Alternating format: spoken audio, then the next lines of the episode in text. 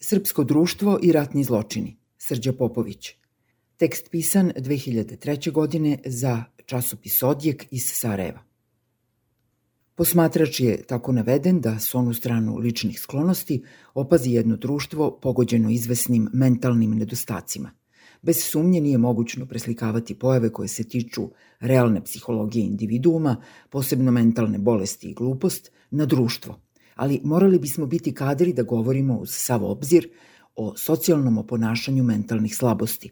Primeri za to su dovoljno očiti. Robert Muzil u tekstu o gluposti.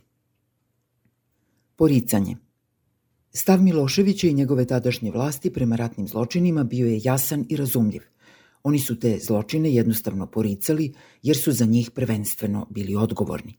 Javnost i građani Srbije su ih u tome sledili sa vrlo redkim izuzecima.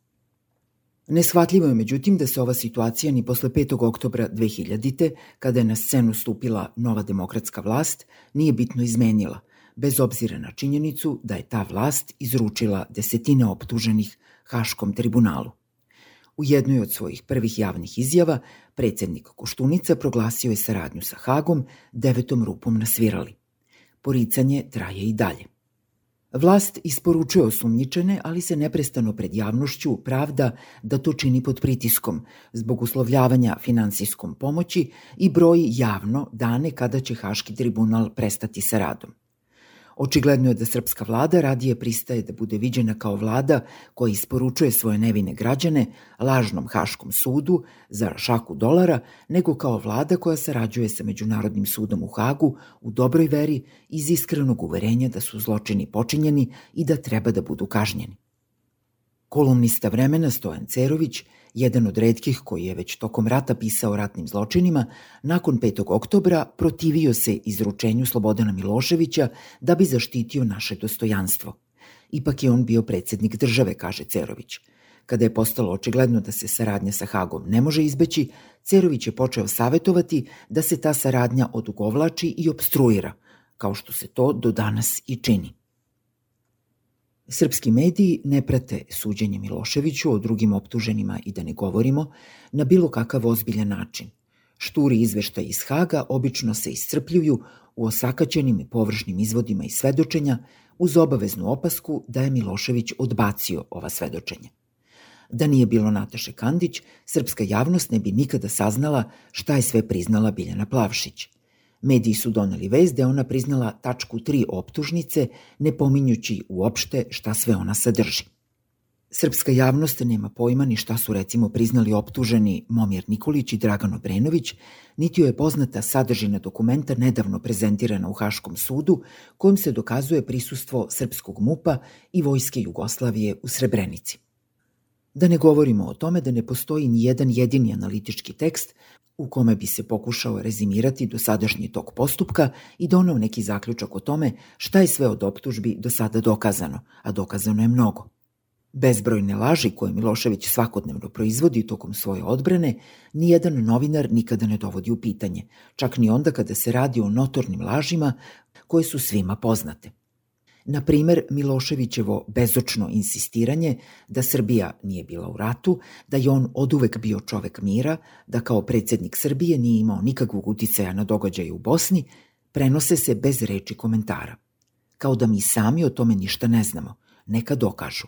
Ali čak i da dokažu, mi smo se unapred obezbedili. Taj sud je pristrasan, lažan i nelegalan. Po čijoj oceni? Pa po našoj. S druge strane, tužilaštvo i sud su pod lupom. Kritikuje se postupak koji optuženima pruža, ne samo ovde, neviđene slobode u upotrebi i zloupotrebi prava na odbranu. Primera radi, Miloševiću koji je odlučio da se ne brani pred tim lažnim sudom, sud dozvoljava da drži svakodnevne govore u sudnici. Zašto mu se to dozvoljava kada po njegovom sobstvenom priznanju to ne služi njegovoj odbrani?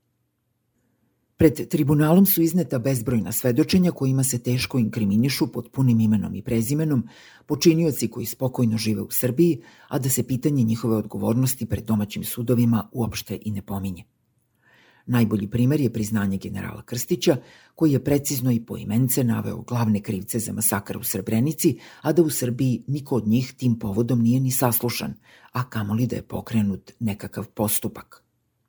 Nova vlast kompromituje se očitim lažima o boravku mladića na teritoriji Srbije.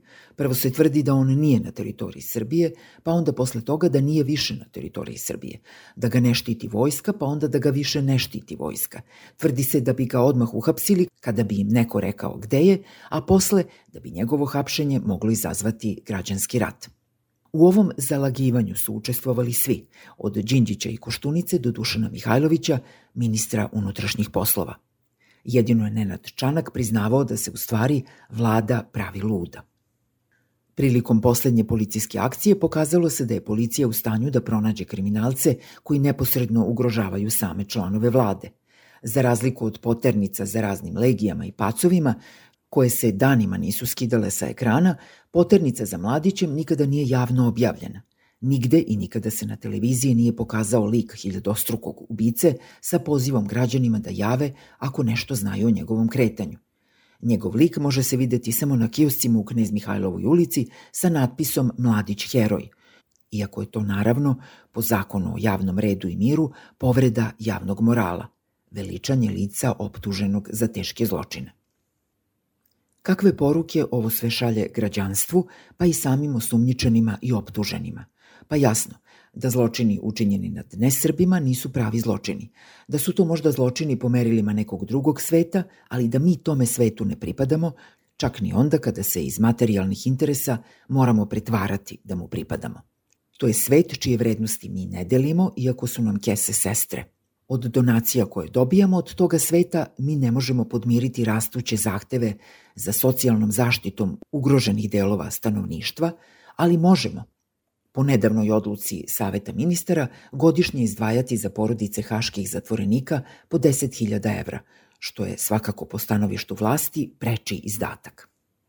Osumnjičeni odavde izvlače prirodni zaključak da ih njihova sobstvena sredina ne osuđuje za zločine koje su počinjili i da je spremna da im jatakuje i da im vlast u stvari krišom namiguje kada ih poziva da se sami predaju.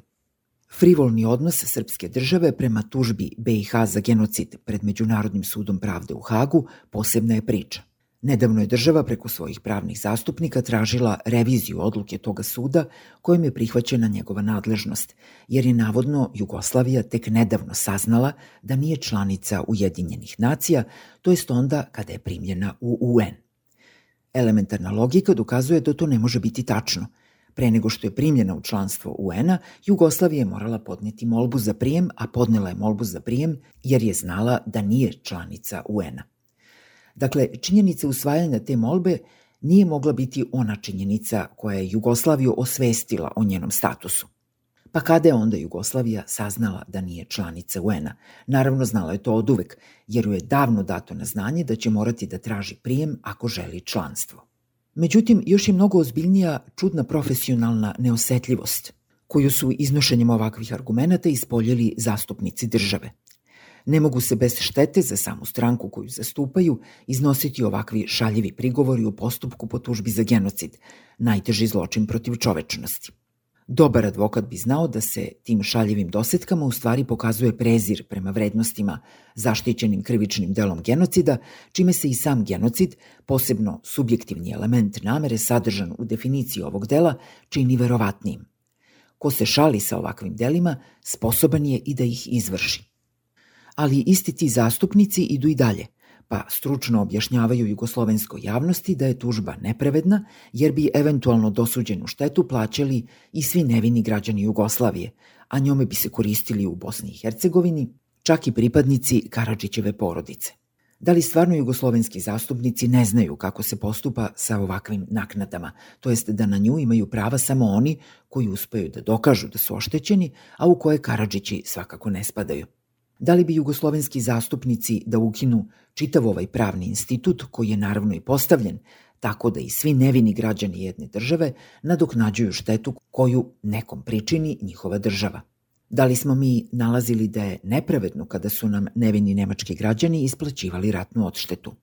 Da li je takođe jasno da su od napljačkane bosanske imovine imali koristi svi jugoslovenski građani, jer je tom pljačkom uvećano bogatstvo svih?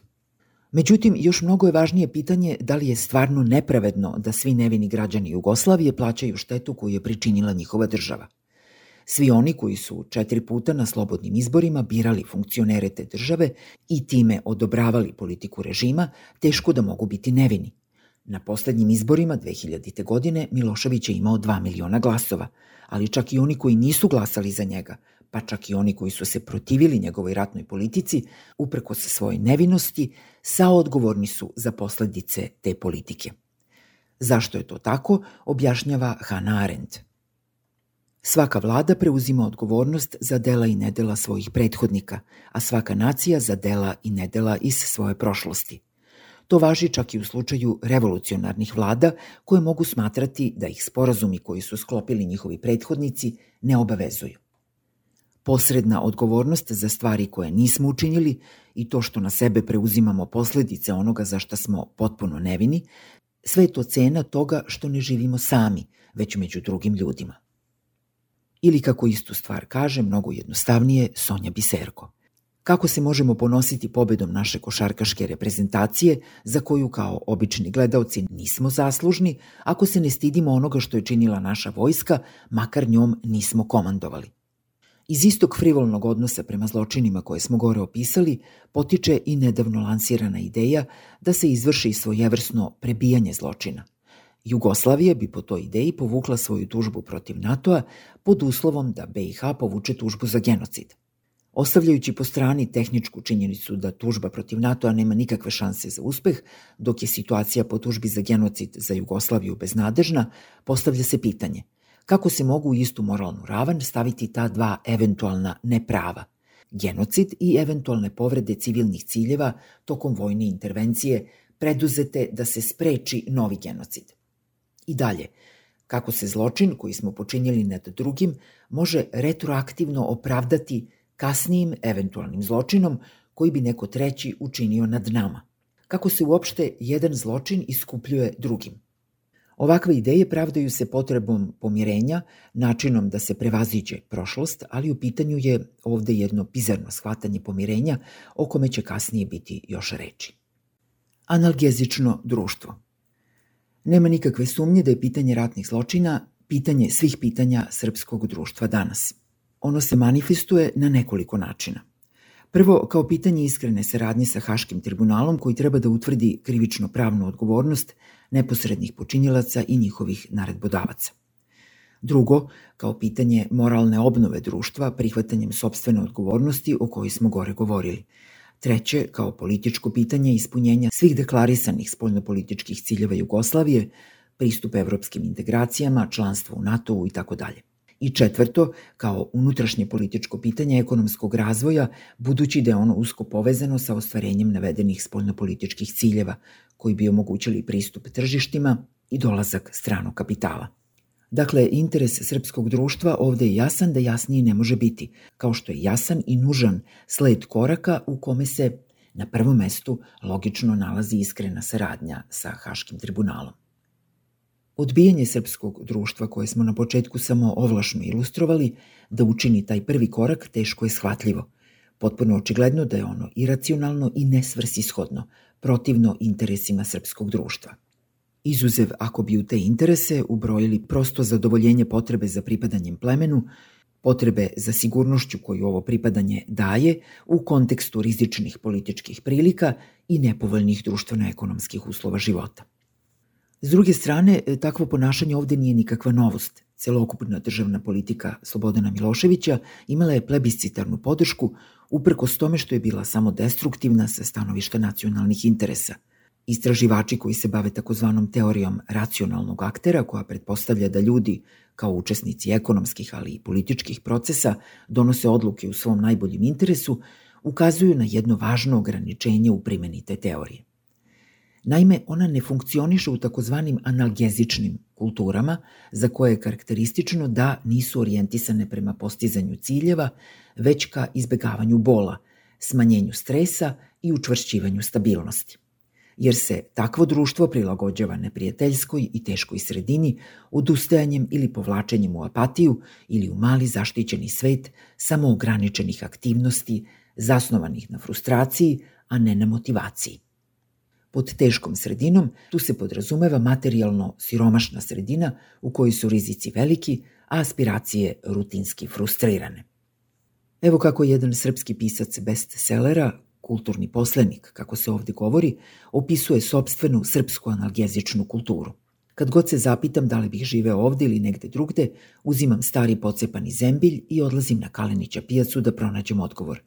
Na ovoj pijaci naime niko se ne pita gde bi i kako živeo, ljudi žive kako mogu i moraju. Prodaju, kupuju, varuckaju i pomalo kradu, dovijaju se i preživljavaju ne baveći se uzaludnim mudrovanjem.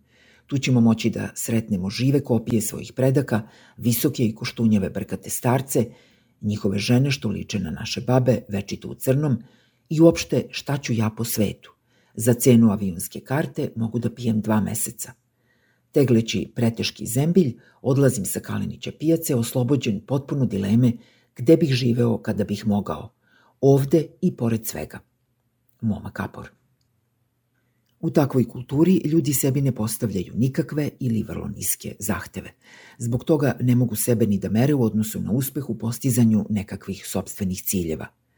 Samopoštovanje, predstava o sebi sa kojom se može živeti, se u ovakvim kulturama malih zahteva prema sebi onda nekako namiče ili uz pomoć grandioznih kompenzacionih fantazija od nebeskog naroda do ekonomske lokomotive Balkana ili stalnim upoređivanjem sa onima koji su gori od nas – Otuda naša zluradost sažeta u komšinoj kravi, jer naša vrednost raste sa većim brojem nula iza nas. Ili prosjačenjem pohvala od velikog drugog, rubrika Drugi o nama, o čemu je pisala još Isidora Sekulić.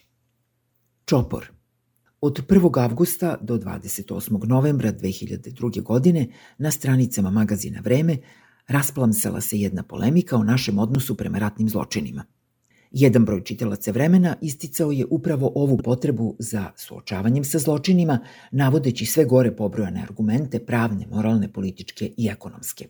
Druga strana, pretežno sami novinari vremena, čiji su stavovi kritikovani, nije mogla da se drži teme. Pored očekivanih argumenta tipa a šta su radili drugi, a nas su bombardovali, optužujete čitav narod, nije još vreme, Susreli smo se, što nas ovde jedino interesuje, sa pravom provalom besa, uvreda, agresivnosti, ličnih napada koji nisu ništa doprinosili racionalnom razmatranju ove teme. To iracionalno poricanje, zamagljivanje i relativizovanje dolazilo je ovde od strane onih koji te zločine ne samo da nisu nikada činjeli i naređivali, već od onih koji ih nisu odobravali, pa čak ponekad i od onih koji su ih nekada uz znatan rizik osuđivali. Pokazalo se da se razgovor o odgovornosti za ratne zločine u srpskom društvu danas ne može racionalno voditi. Zašto? Na prvom nivou, onom sociološkom, odgovor može biti jasan. Radi se o plemenskom društvu i plemenskoj identifikaciji svi za jednog, jedan za sve, u kojoj individua ne postoji, sem kao deo celine, pa je i zaslugama i krivicama plemena obeležen svaki njen deo. Tako Milošević u Hagu brani sve nas, svi smo mi radovan, mi smo prvaci sveta u košarci i slično. Ima puno dokaza da se na ovim prostorima razvojni proces individuacije, proces u kome bi se sticala puna svest i osjećanje svog nezavisnog postojanja od drugih ljudi i od sveta, u stvari nikada ne dovršava. Mi doživotno ostajemo puki delovi kolektiviteta, bez postojanih ličnih atributa, sudbina, odluka – pa sledstveno tome i odgovornosti. Svako ko bi se ponašao drugačije, kao individua, biva odbrambenom reakcijom kolektiva kao kukavni izdajnik, ekskomuniciran i samim tim lišen prava da govori u ime svih nas. Evo na primjer kako tu nevoljnu odanost plemenu opisuje jedan artikulisani pripadnik plemena, poznati srpski pesnik Milovan Danolić, obraćajući se samom sebi. Primorali su te da prihvatiš svoje pripadništvo, a to se ne čini polovično – Sve ili ništa. Lako je biti pametniji od toga. Šta ti vredi pamet kad jedino u tome nalaziš oslonac za oba stopala? To je naravno ono što Rade Konstantinović naziva palankom, primetba Srđa Popović. To je tvoje i tvoje, bez obzira kako ga doživljavao i procenjivao. Možeš ga i mrzeti ako si i dok si u tome. Izvan toga pretvaraš se u najboljem slučaju u senku. U gorem slučaju postaješ kukavni izdajnik. Kad se samo setim koliko si se svemu tome podsmevao, kao da se nije i tebe ticalo, kao da te uočavanje jada i gluposti uzdizalo nad uočenim. Sada su te izlečili od prividne nadmoći, vratili su te u tvoj čopor. Međutim, za one koji žive ovde, mada ekskomunicirani iz plemena, ponuđeni odgovor o plemenskoj prirodi društva kao čistoj datosti ne može biti dovoljan, jer je ta datost za individu psihološki neprihvatljiva. Čovek ima urođenu potrebu da komunicira sa drugim čovekom, to jeste da veruje bar u načelnu mogućnost komunikacije. Čovek odrastao, to jest onaj koji nije puki pripadnik čopora, se ne može odreći ove potrebe, da bude pametniji od toga – čak i kada je ona sistematski frustrirana, jer je socijabilno biće. Ali se u tom slučaju komunikacija mora preneti na metanivo, na razgovor o tome zašto ne možemo razgovarati. I o tome je upravo ovde reč. Kakav je recimo smisao i koren iracionalnog diskursa u vremenu? Otkuda na izgled nerazumljiva uzrujana vehementnost onih koji su poricali postojanje zločina ili odgovornost za njih? Otkuda dolazi taj snažni efekat, agresivnost, povišen ton, izbor leksike, prenebregavanje elementarne logike, lični napadi, nesposobnost da se drži teme probandi, evazivnost, argumenti ad hominem – i lajka sve upućuje na zaključak da su neposredno ugroženi važni mehanizmi odbrane pripadnika plemena, da je u pitanju panika koja stvara ono što psiholozi zovu regresivnom dediferencijacijom psihičkog funkcionisanja, nesposobnost da se činjenice nepristrasno posmatraju van konteksta drugih psiholoških potreba, želja i aspiracija subjekta, ovde nebeskog naroda. No bitno je da je ovakvo ponašanje, iako iracionalno, samo destruktivno i nemoralno, ipak, bar na psihološkom nivou, razumljivo. Strah od rušenja. Sa padom Miloševićevog režima došlo je do izvesnog pomaka, kako u saradnji sa Haškim tribunalom, tako i u količini informacija o zločinima, mada se i ovo može tumačiti pragmatičnom potrebom novih srpskih vlasti da se opravdaju pred javnošću za ovu nepopularnu saradnju. Javni diskurs o tim zločinima jedva da postoji, a i kada postoji, drži se u granicama konceptualnog. Primere radi, nedavno je objavljen vrlo dobar članak Sretena Ugričića o pomirenju. Autor svesno analizira mehanizam pomirenja i zaključuje da se ono sastoji od tri odvojena konsekutivna koraka. Počinilac pod A priznaje činjenicu zločina i pod B izražava žaljenje – nikada sam sebi neću oprostiti i tek nakon toga pod C žrtva u sobstvenom moralnom interesu prihvata ili protivno tom interesu odbija da da oproštaj. Pretpostavljam da je autor bio na pisanje motivisan često prisutnim licemernim stavom u srpskoj javnosti da treba sve zaboraviti i pomiriti se. Stavom koji se plasira kao konstruktivan i pozitivan, iako je to stav u kome počinjilac uzurpira glase žrtve, to jest oprašta sam sebi – Počinjilac izbegava da učini one korake koje bi on morao učiniti ako se nada pomirenju, priznanje i kaljanje, a istovremeno sebi oprašta, što bi mogla učiniti samo žrtva. Međutim, taj članak je čisto teorijski. Nijednom rečju se ne pominje realni kontekst, povod ovih teorijskih razmatranja, ni praktične implikacije zaključaka za proces konkretnih eventualnih pomirenja između konkretnih učesnika ratova iz kojih smo juče izašli. Time se ne umanjuje vrednost članka, već se samo ukazuje na danas i ovde psihološki podnošljive i socijalno prihvatljive granice razgovora o našim ratnim zločinima. Metafora koju je upotrebio francuski psihoanalitičar Christian David u jednom drugom kontekstu može se na ovu situaciju odlično primeniti. Konceptualni diskurs o potencijalno traumatskim temama, Srđa Popović, deluje kao floret sa kuglicom na vrhu – Uklonite kuglicu, to se može učiniti prilikom nekog referata ili nekog tumačenja ili u životu u nekom trenutku istine i zebnja će šiknuti, krv će poteći. Šta bi značilo uklanjanje kuglice u razgovoru o ratnim zločinima? To bi značilo pre svega temeljno elaboriranje samih događaja. Recimo u nedavnom pominjanju Srebrenice povodom sahrane jednog dela žrtava, iz naših medija teško da bi iko mogao shvatiti šta se to tačno dogodilo u Srebrenici i ko je tu nad kim izvršio masakr. Pomenuta polemika u vremenu otpočela je zalaganjem novinara vremena da se zločini počinjeni u ratovima na tlu bivše Jugoslavije deetnifikuju – to jest da se ne insistira na etničkoj pripadnosti zločinaca ili žrtava, jer vele oni zločin je zločin bez obzira na nacionalnu pripadnost zločinca. Neki ljudi su masakrirali neke ljude. To je bio i stav Koštuničine komisije za istinu, kako ga iznosila članica te komisije Mirjana Vasović. Uklanjanju kuglice sa floreta opiru se svi oni koji svesno ili nesvesno žele da zaštite sebe – Oni kažu srpski narod. Ne samo od odgovornosti za ono što je počinjeno, već i od odgovarajuće neizbežne promene u našoj ne samo intelektualnoj, već i afektivnoj predstavi o nama samima, da nas i sebe zaštite od odgovora na teško pitanje koje sleduje nakon tih zločina. Kakvi smo to mi ljudi? Ovaj nedostatak žalosti, što smo bili takvi kakvi smo bili, ukazuje u stvari na uzrok postojanja te slepe mrlje u našem oku i na funkciju kuglice na floretu. Došlo je do onoga što psihijatri nazivaju disocijacijom između događaja i afekta. Uzrok i posledica je strah. Taj strah opisuje D.W. Winnicott kao takozvani strah od rušenja.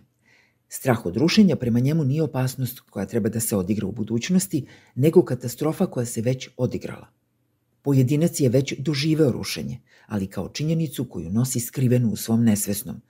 U tom smislu što ego nikada nije mogao da integriše nešto toliko traumatično i što se zbog toga našao u nekoj vrsti agonije – preplavljen talasom mnogo snažnijim nego najsnažnija zebnja, talasom koji bi eventualno mogao da opustoši, poruši, uništi njegov psihički život u pravom smislu te reči.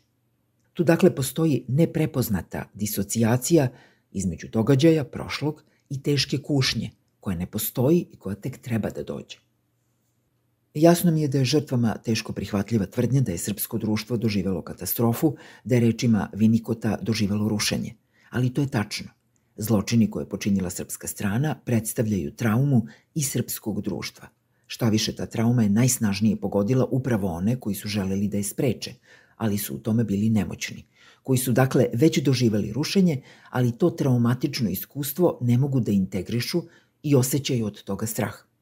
Tim strahom služe se onda cinično oni koji su zločine činili i naređivali. Posledica ovog straha od rušenja je da pojedinac živi kao da je već umro. To je njegova glavna odbrana. Na nivou društva to je jedna nesposobnost da se postane ono što jesi. Važna i velika laž, ugrađena na ovaj način, delimično intelektualnu, ali što je mnogo važnije u afektivnu predstavu društva o samom sebi, čini takav život nestvarnim, troši ogromnu psihičku energiju i može se reći onemogućava da se rodi ja koje je novo i sposobno za život, kako kaže Vinikot. Biti ono što jesmo. Šta mislim pod tim da ne možemo postati ono što jesmo? Mislim da više nikada ne možemo biti ono što smo bili pre nego što smo počinjeli sve te zločine, ali takođe ne možemo da budemo ni ono što posle toga jesmo, jer ne možemo da ih priznamo. Naša predstava o nama samima na ovaj način postaje nemoguća kako na nivou društva, tako čak i na nivou pojedinaca, kao članova toga društva. U tom procepu mi smo tako reći osuđeni da postojimo samo kao tela. Ni kao pojedinci, pa onda ni kao društvo, mi nemamo tu nužnu zajedničku predstavu o sebi, jer ona ne može da se uspostavi. A bez takve predstave, kako mi uopšte možemo videti sebe kao članove toga društva? Kako to društvo uopšte može postojati? Nisu ovde u pitanju puke teorijske konstrukcije. Atomizacija društva na odvojene i suprotstavljene pojedince je empirijska činjenica na koju se mnogi danas ovde žale. Saosećanje za drugog, solidarnost, uzemno poštovanje, pa čak i najobičnija pristojnost, iščezli su iz ovog društva. Društvo kao zajednica vrednosti ne postoji. Kod ljudi konkretnih koje srećem i poznajem svakodnevno, uočavam, ponekad oni i sami o tome govore, tu nemogućnost da uspostave kontinuitet svoga života pre sa svojim životom posle. Dakle, pre i posle svih tih zločina – jer ako pogledamo unazad, istorija poslednje decenije prošlog veka za nas je jednostavno istorija zločina. Čak ne istorija ratova, jer su se ti ratovi u stvari gotovo isključivo sastojali od nasilja naših naoružanih profesionalaca nad civilima. Neko je već primetio da se ne može imenovati ni jedna bitka koja je bila vođena tokom tih ratova, kao što je karakteristično upadljivo i odsustvo patriotskih, herojskih memoara, romana, filmova koji redovno prate prave ratove i u kojima se veliča naša herojska borba. Žalbe veterana tih ratova da im se ne ukaze uobičajena pažnja i poštovanje nisu bez osnova. Osećanja prema njima, čini mi se, variraju između sažaljenja, prezira i ravnodušnosti. Pošto stara predstava o sebi pre zločina nije moguća jer su se zločini ipak znamo dogodili, a opiremo se stvaranju nove predstave o sebi posle zločina, identitet čitavog društva i identitet svakog pojedinca postao je sumnjiv, neodređen, nestvaran, jer se identitet gradi na kontinuitetu predstave o sebi. Sumnjiva je postala sama stvarnost našeg postojanja, gotovo svedena na postojanje naših tela. Susreti ljudi ispunjeni su nepoverenjem, jer se poverenje gradi na postojanosti naših identiteta, dakle postojanosti intelektualne i afektivne predstave o sebi. Mi se teško uzemno prepoznajemo kao da se radi o glumcima koji igraju naše nekadašnje, sada nemoguće životne uloge. Potrebno je mnogo razgovora o onome što se dogodilo, što je lokalni eufemizam za zločine, da bi se prepolovljeni životi spojili, da bi se ponovo mogli uzajemno poznavati. Ovaj društveni i lični gubitak predstave o sebi ne može se nadoknaditi nikakvim ulaskom u Evropu, nikakvim ulaskom u NATO, nikakvim pohvalama drugih koje obsesivno i ponižavajući lovimo, nikakvim zvaničnim potvrdama, najmanje potvrdama koje sami sebi izdajemo. Beograd je svet, mi smo Evropa i slično. Bar sve dok jezikom biblijskim nastavljamo da živimo u kajinskom grehu, sklonjeni od Božjeg pogleda. Pošto ne znamo ko smo, ne razumemo ni šta se zbiva oko nas – Je li Kosovo naše? Jesu li nam granice na Drini? Je li Srbija bila u ratu? Da li je Karić uspešni biznismen ili ratni profiter? A vlasnik Pinka? Je li Mladić heroj ili masovni ubica? Je li NATO zločinačka organizacija ili naša željena budućnost? Da li je 5. oktobar bio revolucija ili vojni puč? Jesu li crvene beretke elitna specijalna jedinica ili banda ratnih zločinaca? Zašto je ubijen Đinđić? Pošto ne razumemo šta se zbiva oko nas, ne razumemo ni ko smo i ne možemo da postanemo to što jesmo. I zar je onda čudno što se i politički život kreće po površini, što se iscrpljuje u sukobima ličnosti koje ne zastupaju ništa, ne predstavljaju nikoga i motivisane su samo ličnom korišću koju donosi vlast telima njihovih nosilaca, kao što to uvek i biva u čoporu. U srpskom društvu mora se inicirati proces žaljenja koji se završava odustajanjem od svega onoga što je izgubljeno, a to je ovde intelektualna i afektivna predstava nebeskog naroda o samom sebi, kao i ona druga prethodna o našem bratstvu i jedinstvu sa narodima koje smo posle tamanili. Nedavno divljanje rulje na beogradskim ulicama nakon utakmice sa Hrvatskom ilustrovalo je bes i agresivnost sa kojim se ta ugrožena predstava o sebi brani. Rulja je skinula zastavu sa Hrvatske ambasade, simbolički oduzimajući Hrvatskoj državnost, čime je trebalo psihološki odbraniti staru predstavu o sebi kao ratnom pobedniku, uprkos i bez obzira na realnu činjenicu poraza. Čini mi se da bi oni koji uporno i bezuspešno pokušavaju da suoče srpsko društvo sa zločinima počinjenim tokom prošlih ratova, možda takođe trebalo da budu svesni sa čime se ovde sreću – Elaboracija događaja svakako je neophodan i prvi korak u tom poslu, ali samo intelektualni, moralni i politički argumenti nisu dovoljni. Mora se razviti jedna strategija kojom bi se demontirao sam psihološki mehanizam odbrane i zasnovala nova intelektualna i afektivna predstava o sebi u interesu samog srpskog društva kako bi ono moglo postati ono što jeste.